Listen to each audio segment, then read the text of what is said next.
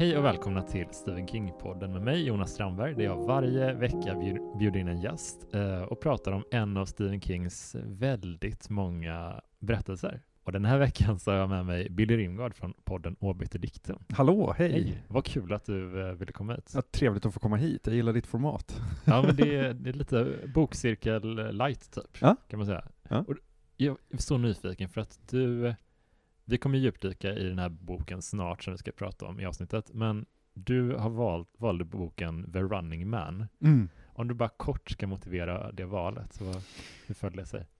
Jag hade en komplicerad relation till Stephen King i min uh, uppväxt. Uh, Stephen King på den tiden var liksom, vi pratar 80-tal här nu, liksom sent 80-tal.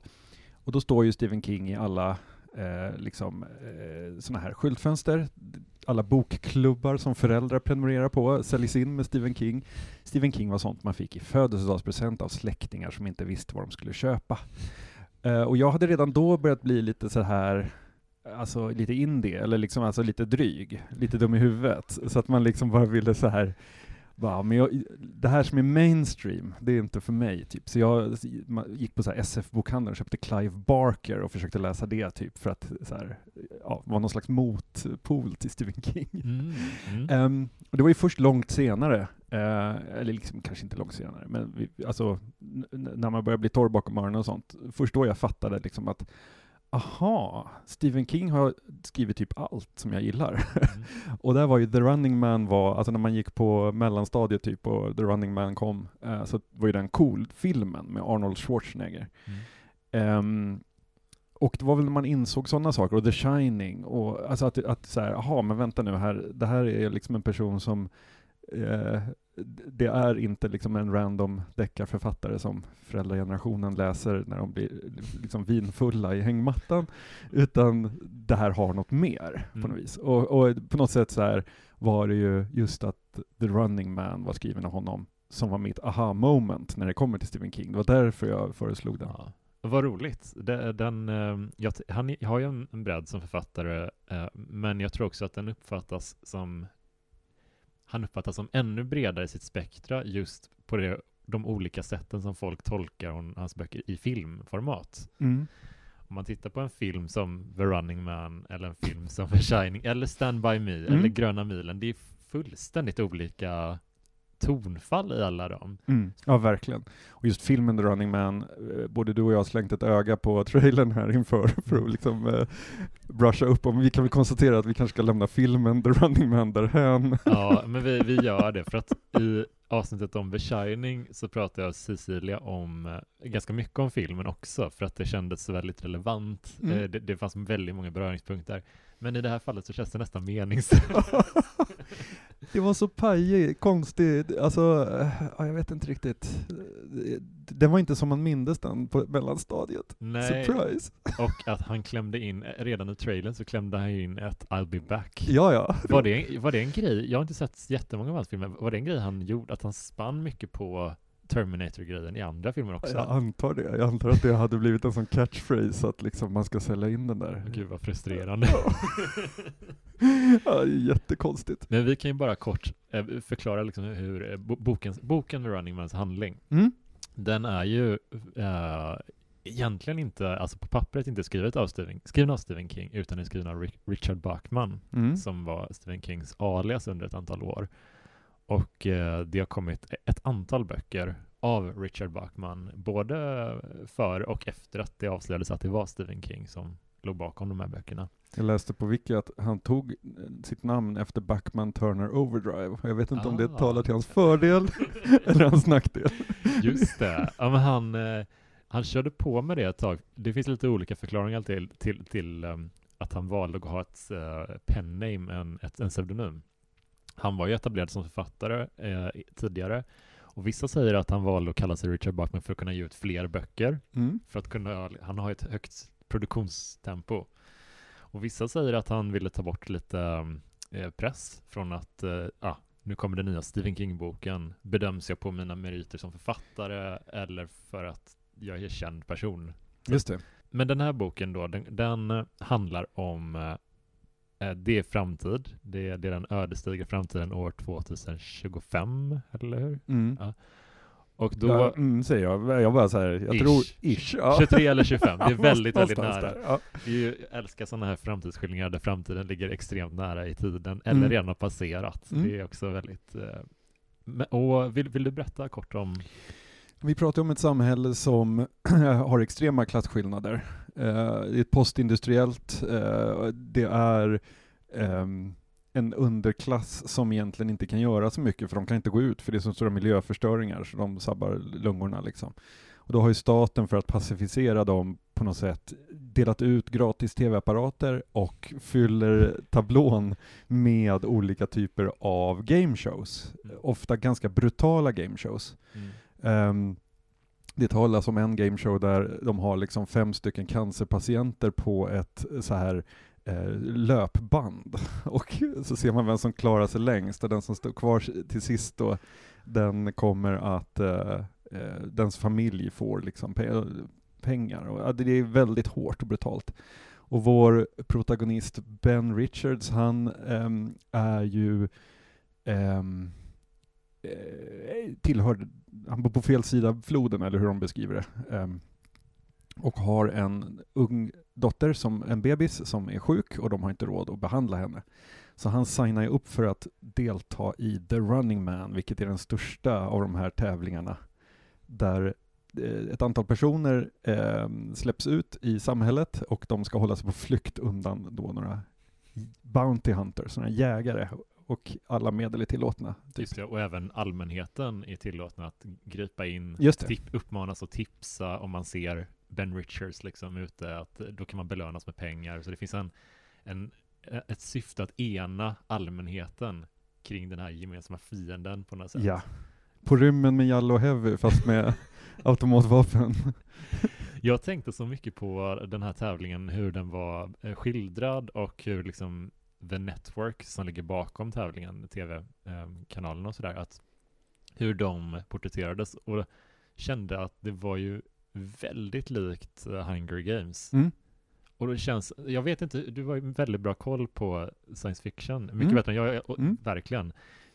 Hur tidig är den här som, den här som en sån här typ av tävlingsdystopi-skildring? Jag satt och funderade på det, Eh, för grejen är så här att man, man kan ju spåra tillbaka det här, vad ska man säga, konceptet eh, fascistisk stat ska hålla befolkningen eh, lugn genom våldsamma lekar. Det kan vi ju spåra tillbaka till gladiatorerna i Rom. Mm. Ehm, och jag tänker att Spartacus kom, alltså Stanley Kubricks eh, film, Mm. den kom ju 1960 tror jag, eller något sånt. Mm. Eh, och sen så, det är, inom sci-fi-genren så är det lite, alltså det, det, det bästa jag kommer på som är före den här, det är en film som heter Rollerball med James Caan som kom Mm. 1975. Mm. Ehm, där är det liksom, det är ungefär samma upplägg. Ehm, men det finns ju även ett annat så här Death Race 2000 finns det ett också. Så, Just det, början av 70-talet. Alltså, eh, det finns ju ett antal filmer som spinner på just det här eh, temat.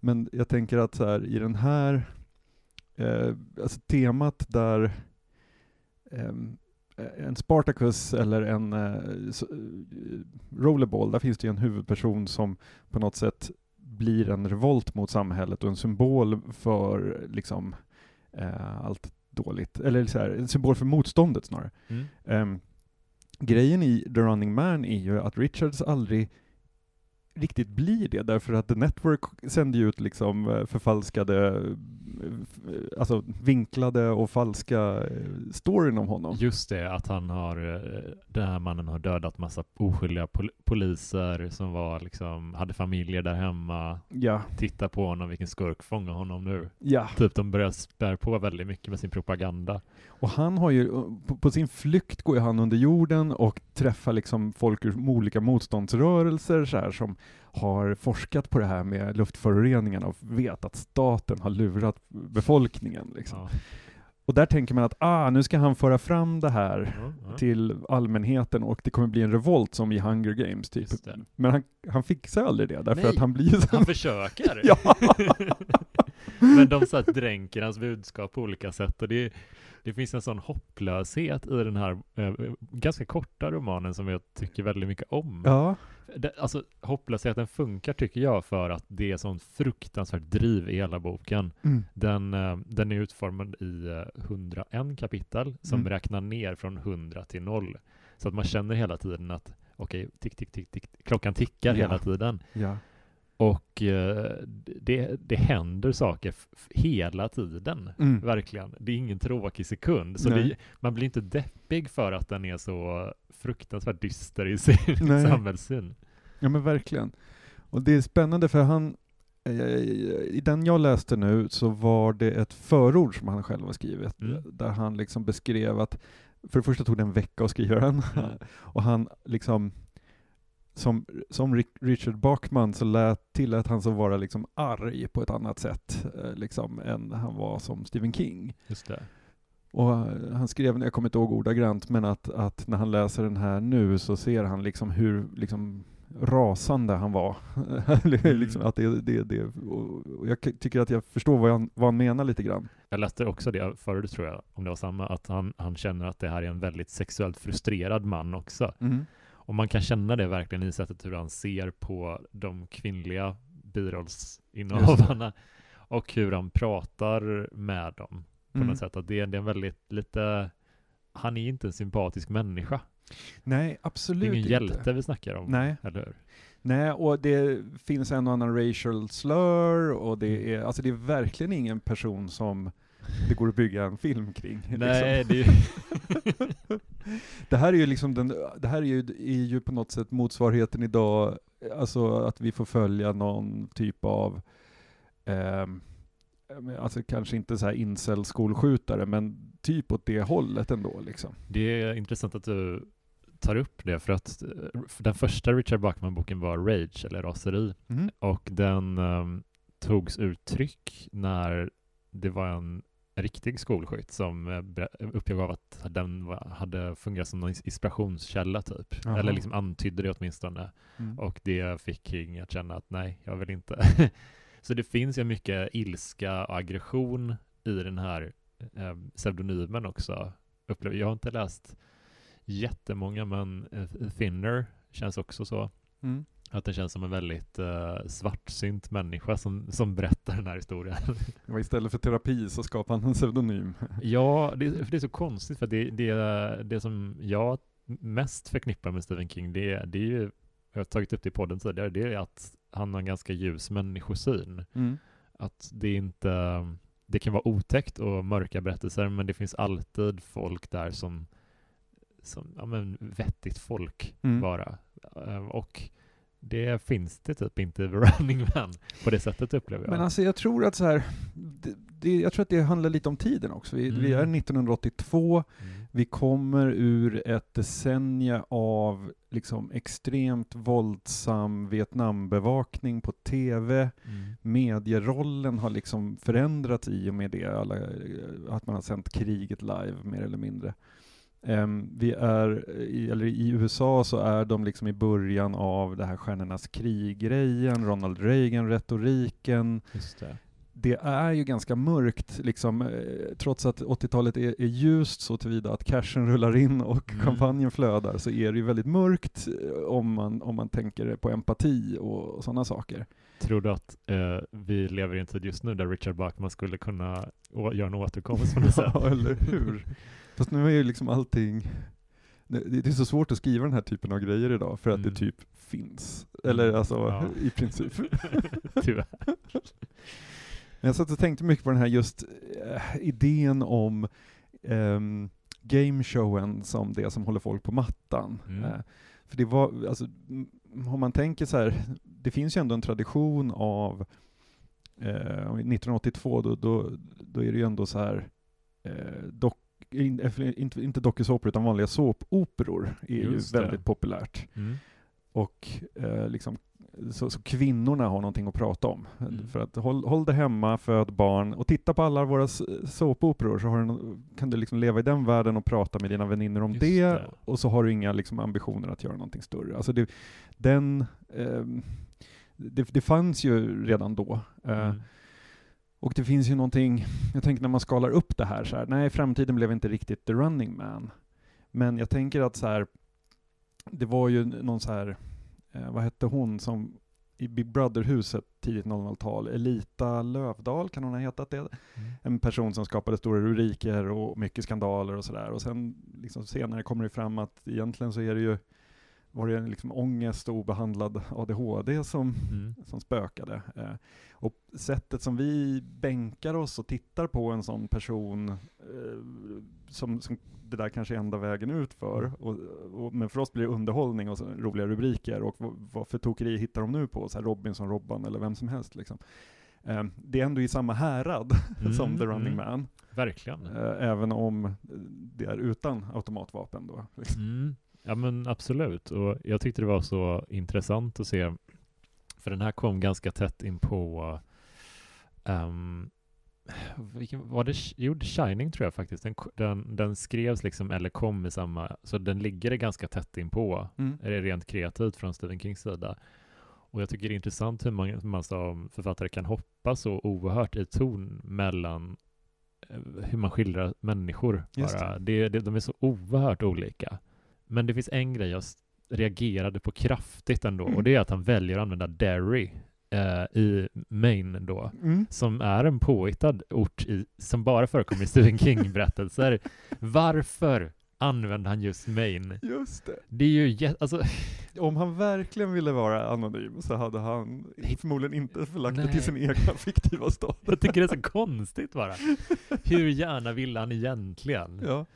Eh, men det finns en, en eh, gullig historia om det här, eh, om, eh, om vi bara landar kort i Backman-grejen typ, för att han, eh, han körde på i ett antal böcker, jag tror det var sen när Thinner kom ut kanske, då var det en, eh, en person som jobbade i en bokhandel som hette Stevie någonting, och han kände, hade känt ett tag att fan, det är, det är väldigt mycket beröringspunkter med Stephen King i det, hur, hur han uttrycker sig, formulerar sig och sådär. Och då gick han till någon typ av eh, eh, arkiv där man kunde se liksom vem har clearat den här boken, vem, vad står copyright och sådana grejer. Mm. Och då var Stephen Kings namn ett av dem. Så det var ju ett, ett light journalistiskt gräv, verkligen. Men det var ju bara att gå dit och titta så hade man ju sett det. Och då satt han så här och bara funderade, okej nu vet jag att den här eh, ganska doldisförfattaren sålde kanske 30 000 ex av sina böcker liksom, i, i hela USA. Jag vet vem han är och han är en av de kändaste människorna i hela USA. Vad ska jag göra med den här informationen? Mm. Så han skrev till Kings bokförlag, berättade vad han visste. Känns lite utpressningsvibbar, eller hur? jag vet där, vad kan jag få? Men då hörde King, eh, King av sig till honom, ringde upp på telefon och sa Hej, det här är Stephen King. Eh, du vet, jag vet, vad ska vi göra med den här informationen? Och så ställde han upp en intervju. Otroligt Ja, faktiskt. sympatiskt. Ja, det är gulligt ändå på något Mm. sätt. Vad, vad känner du kring Backman som, eller pseudonymer som generellt kan vi börja med? Men jag kan verkligen förstå den här grejen, hans tvivel om att så här, säljer mina böcker bara för att det står Stephen King, eller är de bra på riktigt? Mm. Alltså, så här, jag tror att det är en supervanlig grej som konstnärer hamnar i, av Mm. alla dess slag. För jag menar, det ser man ju också så här, behovet av eh, från musiker i alla tider som är med i några stora band och sen så startar man något sidoprojekt som är liksom, ja, helt, något helt okänt liksom. Eh, jag tänker såklart på Mauro Scoccos ambient-projekt Grobinski som fanns på 90-talet. Eh, det Gud vad, jag känner inte alls till det. finns ett album som är mycket, eh, Är det underskattat? Det tycker jag. Det tycker jag. Ja. Nej men alltså folk, jag, jag, tänker så att man kommer från en kreat, man kommer från, någonstans så börjar alla hemma på sitt sitt pojk eller flickrum och drömmer om att vara kreativ på något sätt. Och så Mm. börjar man jaga den kreativa drömmen och sen för vissa så faller det in att man kan skriva eh, skräckböcker då, eller liksom thrillers som Stephen King.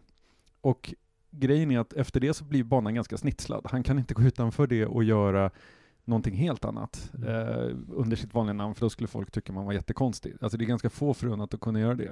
Typ så här eh, David Bowie, eh, Kate Bush, ja det finns ett par liksom stora namn genom Verkligen. tiderna som har kunnat göra vad fan de vill, men det är inte så många. Eh, och jag tänker så här, eh, det där behovet av att här, bejaka antingen sin egen kre- kreativitet eller utmana sig själv, för att Mm. det är väldigt lätt att fastna i en så här formulär 1A som man bara gör om och om och om igen. Ja, Ja, men jag kan också fatta den grejen att om man har, särskilt om man skriver så mycket, att man är så jäkla rädd för att upprepa sig själv då. Mm. Att han, han faller in i formler och rutiner. Så Mm. att bara, okej nu, han, han berättar att eh, han blev inspirerad lite av uh, Backman-grejen, att när han, han läste om en annan författare, oh, hans namn försvinner nu, men eh, han hade berättat att den här andra författaren, hans eh, pseudonym, det var liksom, ja, när, jag het, när jag har mitt riktiga namn, då är det, skriver jag på dagen, det är sol och fint väder. Men pseudonymen, det är när det regnar. Det är då jag är den här andra personen. Och så kände det King lite också. Att eh, till exempel eh, slutet i eh, The Running Man, vi kommer återkomma strax till det, att, att det är eh, Richard Bachmans version av ett happy ending. Jaha, oj, oj, oj, ja, ja. Det är ju ja, så Ja. eh, beckmörkt, Mm. eh, men vi, vi kommer till det. Men eh, vad, vad- vad fastnar du liksom för så här nu när, när, du, när du återbesöker den här boken? Vad, vad är det du liksom, vad sticker ut? Men jag tycker att just hans kamp för att göra sig hörd och bara bli tystad av eh, The Network som bara, de har ju redan sin story. De har ju redan en, eh, ett narrativ som de följer och han kan bara inte bryta igenom det. Eh, det tycker jag är, alltså den maktlösheten är liksom så, eh, så kämpig. Men sen också maktlösheten att han från första början bara så här, det finns bara en väg ut om jag vill att min lilla bebis ska få leva och det är att jag signar upp på det här. Mm. Så. Eh, det, det beskriver ju en, en, en, liksom en värld av total misär. Eh, så. Du gillar misären? då? Nej, men jag, jag, tycker ändå, så, jag tycker ändå att det finns jag tycker ändå det finns saker att ta med sig från den. Eh, Men jag förstår vad du menar. Jag, jag tänkte väldigt mycket på, på den grejen också faktiskt. Att, och att han, det känns som att han aldrig vet exakt vad han ska göra. Nej. Eller hur? Liksom att han, att han all, aldrig har planerat speciellt långt i förväg i boken. liksom han bara, ja, nu händer den här skiten. Mm. Hur ska vi göra nu? Hur, att han, allt är hela tiden improviserat. Mm. Och att ja, nu är polisen mig på spår, nu måste jag byta namn, nu måste jag ha en förklädnad, jag måste ta mig ut ur den här staden där de vet att jag befinner mig. Mm. Att det är en sån konstant improvisationsövning från helvetet, Ja, ja, ja, verkligen. verkligen. Nej, så att jag, jag tänker att den, eh, man brukar ofta när man läser de här gamla grejerna eller tittar på gamla filmer så kan man skrocka över att det står liksom 2014 eller 2022 och säger man haha, så blev det ju inte riktigt. Men jag tänker att den här har ändå vissa saker att säga om, eh, om eh, andan i, Mm. i eh, samhället som den ändå prickar rätt. Gud ja, och det, det enda jag, jag tycker också så här, det är lite en, man känner sig lite dum och ytlig när man hånar av vad, vad kort fram i tiden de satte den här framtidsribban Mm. liksom.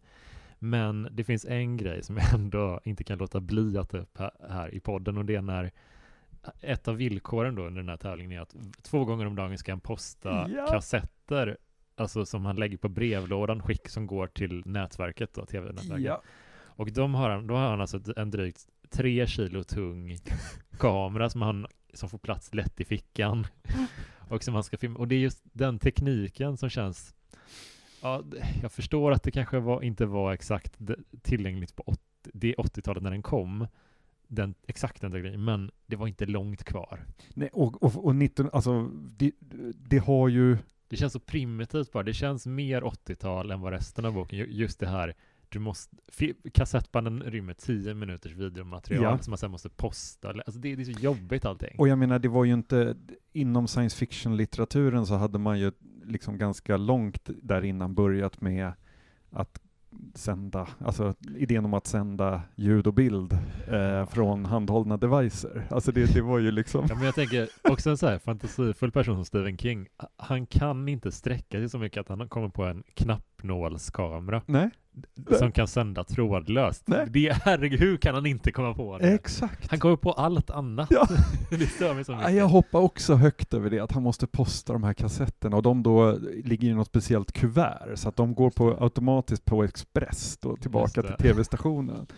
Det är helt obegripligt. Det är faktiskt helt Det är ju superkonstigt. det som känns som minst framtid i hela, Ja. hela boken. Det, och det talar inte till Stephen Kings fördel heller, att han har kommit på den lösningen. Nej men vet du vad, jag tror det, det vi hittar där någonstans, eh, jag har inte tänkt på det så mycket innan, men att han är känd för att vara ganska teknikfientlig och målar ofta upp eh, tekniken som hot, hot eh, som hägrar runt horisonten typ. Och det känns som att han, han är så genuint ointresserad av teknik att han inte riktigt bryr sig om att tänka så mycket på det. Just det.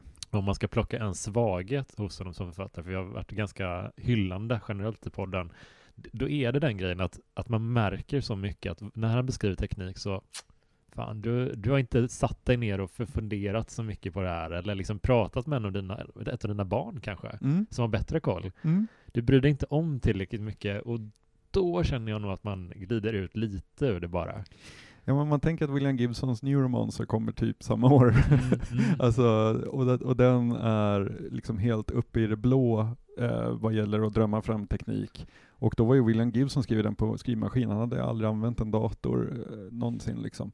Eh, så det var inte omöjligt att tänka sig en kreativ lösning som skulle få, kunna få Eller hur? Richards att skicka. Det känns så jobbigt och omständligt bara. Men en grej jag gillar i teknikskildringen det är att det finns, eh, det finns någon sorts, sorts svävande bilar. Mm. Men det är inte flygande bilar riktigt Nej. som jag tolkar utan men det finns också vanliga eh, bensinbilar. Just det. Och, och att det, det är ju så det hade funkat om det introdu- ja, men det är så det funkar nu med typ Tesla-bilar. Ja. Det, de finns men det är inte all, verkligen inte alla som har dem. Mm. Ut, den här övergången i teknik, den känns jävligt trovärdig. Mm. Att det inte bara är ett, som ett trollslag så har allting blivit, eh, ah, du vet, tillbaka till framtiden. Nej, liksom. verkligen. Verkligen. Men jag tycker att det är ganska så här, det jag gillade med honom, hans grej var ju så här, när han, man rörde sig utanför de här postindustriella liksom, städerna och ut på landsbygden, eh, där eh, den övre medelklassen andades skogsluft och allt är fint. eh, Liksom. Jag gillade att det inte bara var ett wasteland, Mm. att det inte är den här totala postapokalypsvärlden, utan att det är liksom just städerna, storstäderna som är så, och man kan typ inte ta sig därifrån. Mm, Så. verkligen. Så jag tycker i, i, i stort så är det en jättefin skil- skildring av, jag gillar hans värld, jag gillar konceptet och jag gillar inte huvudpersonen, men det är ju det som är poängen, att han är inte någon man gillar, utan han var, bara någon vars lott råkade falla på att försöka ta ner det här det. systemet. Liksom. Ja, verkligen. Men ska vi hoppa till slutet? Ja, Det måste vi prata om. Ja. Och om, om man känner att man vill läsa den här, det är en väldigt kort roman, så sätt dig ner, läs den, kom tillbaka när du läser slutet. Eh, Eller annars så kan du baka på den då. Eh, slutet, då inser eh, Ben Richards att han, jag har ingen chans att vinna den här tävlingen. Jag kan, de, de allt är riggat Mm. till, till deras fördel. Huset vinner alltid, hela den grejen. Så han bestämmer sig för att, ja men typ, ta ett flygplan och flyga rakt in i tv-bolagets högkvarter, Ja. kraschar och sen är boken slut. Exakt. Ett sånt, sån jävla liksom go up with a bang. Och det säger också något om man börjar fundera på så här, alltså vi får se det ur, um, från perspektivet av han, den, den slisiga tv-bossen som arrangerar alla de här the games liksom. Um, och att han, att det, det sista han ser är liksom en grinning Ben Richards som kommer farande Han, bara, han känner, och att Ben känner, jag vinner nu. Ja, exakt, exakt. Det är så jävla mörkt. Bara. Jo men att han, att han, från hans perspektiv, då, då känner man ju ändå så här: yes! Och sen tänker man på konsekvenserna av att flyga in flygplan i skyskrapor, som 1982 när boken skrevs ännu inte hade prövats, kanske i praktiken, för, men som skulle göra det 2001.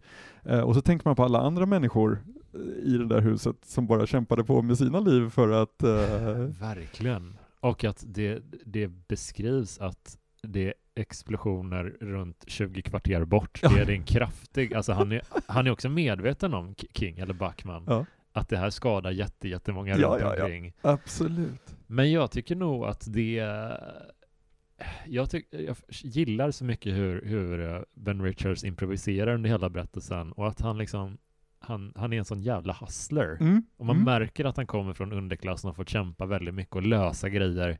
mycket silvertejplösningar. Mm. Eh, Alltså sådär, ja men okej, hur löser vi den här grejen? Så. Och att det här är typ det, nu har han till slut blivit inmålad i ett hörn där inga andra trick funkar. Nej, då, då gör vi väl det här då. Mm. Det är det här jag kan göra mest skada. Ja.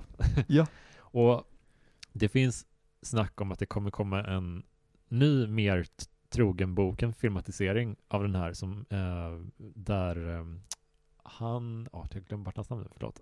Han som har gjort Cornetto-trilogin och eh, Engelsman, ehm, komedi, han har jobbat mycket med Simon Pegg. Sitter bara här och ler och väntar Ja. på att du ska hitta rätt svar, för jag har inte. Ja, Men Det- jag läste det också med manusförfattaren, den som har skrivit 20, nya 21 Jump Street-filmen, den från ja typ och 2014. Scott Pilgrim. Ja, också. exakt, exakt. Ja. Nu kommer lyssnarna hata mig för att jag kommer på det här. IMDB.com kan Ja, man gå in på om man ja, är nyfiken. Ja, verkligen. Men då snackar folk lite om den här liksom, och det, det är ganska vanligt att folk tycker att Nej, men vi ska steka slutet. Vi ska, det, det, Mm. måste, det måste bli ett annat slut.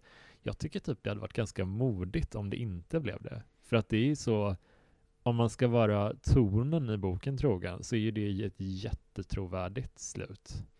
Det jag gillar med slutet, det är att den, det lämnar öppet för två tolkningar. Antingen så blir liksom Ben Richards vinklad som den värsta skurken i liksom landets historia, en, alltså en verklig sån. En, ja, Mm. eh, eller så är ju det här starten på någon slags uppror Mm. För att nu så har vi, inte the games som pacificerar hela den förtryckta befolkningen Just det. för allt är borta. Så vad gör vi istället? Jo, vi vänder oss upp och kräver rättvisa. Ja. Nej, och det finns också någonting, eh, vi glömde nämna det, men han, alltså det är inte bara så att han spontant bestämmer sig för att förstöra tv-bolaget, utan han, han är i luften på flygplanet och då får han reda på att, säger i alla fall eh, programledaren för den här showen, att eh, din, eh, din fru och din dotter är, är, har blivit mördade. Mm. Det är inte vi som ligger bakom det, men det skedde för tio dagar sedan. Och då vet man ju dels inte, är det sant? Mm. Säger de det bara för att få, för de, de vill liksom att, de har insett att vi kommer inte eh, kunna besegra den här flyende mannen, utan vi måste ta honom till oss. Vi Ja. absorberar honom så att vi inte, vi plockar bort en revolutionär från, från spelplanen Mm. och vi tar in honom i företaget så han ska bli den nya eh, chi- Chief Hunter Mm. som då har som uppgift att jaga de här tävlande. Och när han får reda på, dels så känner jag liksom att när, redan innan de berättar att hans familj är död, så känner jag, jag blir så tom i hela själen när de försöker suga in honom Ja. också, för att de, jag vet inte, vad kände du kring den grejen? ja, men det var ju på något sätt eh, det, det, det är lustigt det där att man då under ett par veckor har målat upp honom som den största faran som finns. Och sen, visst skulle de göra någon slags skenavrättning av honom, att det skulle framstå som att de vann, men sen så skulle han rekryteras i någon annan roll. typ. Exakt, att han skulle få vara lite en skuggfigur hos dem då, Ja, typ. precis. Och det, på något sätt så känns ju det också sådär, det känns ju lite som en klassiker eh, just när det kommer till att allt är content. Allt är, hur gör vi den bästa TVn? Det är bara det det handlar om, inte hur kan spelet, eh, vad är reglerna för spelet? Det, det existerar liksom inte, utan allt är show, man, man flyttar folk som små brickor på en, eh, eh, små pjäser på ett Ja, det är så jävla mörkt och trodde du, tolkade du det som att hans familj på riktigt var dödad? Jag vet inte. Mm. Det, grejen är att han gör ju det här för att när han blir dödad så ska ju de få en, en belöning då beroende på hur lång tid han har hållit sig vid liv och så vidare. Eh, och eh, han vet ju att han inte kommer tillbaka levande, men han gör det här för sin, sin fru och sin dotter. Så när de är borta, då har han ju ingenting kvar, då har han varken någonting att vinna eller något att förlora liksom. Mm. Det är ju det farligaste man kan. Ja, men jag tänker typ för att det, det han säger, den mannen som försöker rekrytera honom till tv-bolaget då, han, han säger typ att först berättar han att din familj har blivit mördad, vi ligger inte bakom det, vi skulle inte vilja, vi förstår att du hade inte velat jobba med oss som, ah, det, han är som bullshitter av Mm. rang verkligen. Men då tänker jag typ bara att, han säger ju också att om du börjar jobba med oss, då kommer du få resurserna att kunna hämnas på Mm. gärningsmännen som mördade din familj. Du kommer liksom ha eh, folk under dig som kan söka upp och, och ge igen på det här. Mm. Så jag, jag tolkar det bara som att de de har gjort det här för att få ett ytterligare ett känslomässigt verktyg, liksom att, att han bara ska hoppa på av ren ilska. Just det, typ. just det. Och att han inte har någon annanstans att ta vägen, typ. Ja, Däremot så säger de ju ut- uttalat så här att om vi, om det var vi som låg bakom så hade det inte skett så här fult. Så hade de bara, då hade det här hänt eller så hade det här hänt eller ja så. men det är sånt långt pokerspel Ja. mellan dem. Alla, både från Ben Richards sida, han, han ljuger och påstår att han har en bomb på sig liksom, för att han ska få det här planet. Och, Ja. och ja, men det där börjar redan, bör, redan alltså första presentationsrundan, eh, när, när de kommer ut på scenen för att presentera honom, så visar de ju så här hans fru, mm, Bara, och då har de typ porrat till henne. Ja. Massa bildbehandling som ska se så här slutty ut. Och just eh, att hon ska framstå som rätt vidrig och så här att, att det liksom, det är liksom, allt är ju krattat för någon slags, alltså eh, det är ju en avancerad eh, smoke and mirrors övning det här, där ingenting egentligen, ingenting är på riktigt förutom Mm. folks misär och att liksom folk dör i spelet ja, verk- och jag tycker det är så konstigt att läsa en berättelse där man utgår från att vä- väldigt många av karaktärerna ljuger hela tiden. Ja. Att, i, att de aldrig säger som det är på riktigt. Det, man får liksom vara, man är lite på, på alerten då, Mm. Mm. på något sätt. Men det gör det ju också väldigt effektivt, i, alltså i den, alltså man kan ju förstå vilken mardrömsvärld det här är att leva i, där det här är liksom eh, förutsättningarna, att du kan inte lita på någon, allt är the game. Och det tycker jag, så här, om man tittar på de själsliga efterföljarna till den här, en Battle Royale eller en Hunger Games eller de där, så tycker jag att de fokuserar lite mer på själva tävlingen, alltså folk som dödar varandra, alltså Mm. den actionscenen. Alltså om någon säger Hunger Games så, så tänker jag ju på Katniss Everdeen och hennes pilbåge. Just det. Jag tänker inte på samhällssystemet. Mm. Säger någon The Running Man nu eh, så skulle jag tänka på samhällssystemet snarare än när han spränger det här hotellet som han bor Mm. på i, i luften. Verkligen. Att, att det handlar mer om en strukturell berättelse än en, eh, eh, liksom en hjälte. Så. Ja, men jag tycker också att, att stor skillnad mellan eh, Hunger Games och den här är att här känner jag att sam, alltså tv-bolaget har inte full kontroll riktigt över allting. Det, det, man känner lite att det Just finns det. grupper av samhället som ändå väl vill hjälpa Ben Richards och som, in, Ja. som fattar att de bullshittar ju bara. Ja. Men det finns det typ inte på samma sätt i Hunger Games. Det, det är rätt stora, alltså de stora sjoken fatt, tycker att det är spännande spel eller tittar och hejar på folk och sådär. Mm. Det, det är lite mer att det har gått längre i Hunger Games. Det har, Mm. inte, eller det har liksom inte samma... Ingen ifrågasätter Nej, eh, inte, inte, inte, inte, i alla fall inledningsvis. Det, det kommer lite mer sen ju, men det, här är det lite mer som att det, folk är som folk lite. Det Mm. finns många som tycker att det som visas på tv är bara skit och, och det är bara eh, påhitt liksom, eller idioti. Mm. Sådana grejer. Så det, det känns ju mer verklighetstroget på något sätt. Mm. Vem skulle du rekommendera den här boken till? Ehm, vem skulle jag rekommendera den till? Bra fråga.